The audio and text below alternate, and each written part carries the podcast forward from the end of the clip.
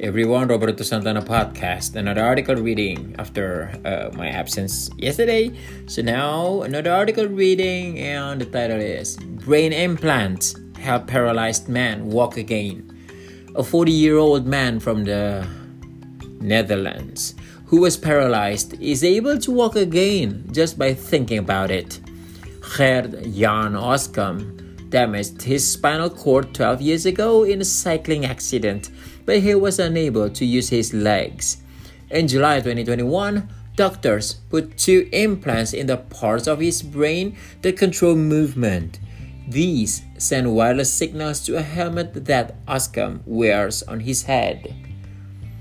The helmet sends those signals to a computer in a backpack which interprets the signals and sends them to another implant in Oskam's spinal cord, which sends the signal onto his leg muscles. Basically, the system functions like a wireless bridge between Oskam's brain and his legs. With the implants turned on, Oskam just needs to think to be able to walk and even climb stairs. Learning to use this system even appears to be helping Oskam's body relearn how to walk on its own. After about 40 sessions of practice with the implant system, he can now walk short distances with them turned off with the help of crutches.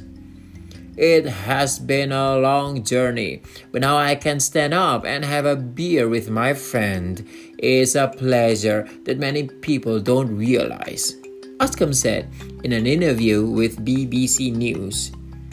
The device is still being tested and it will be many years before it can be given to other paralyzed patients but researchers hope to make the device smaller so it can more easily be used in people's daily lives.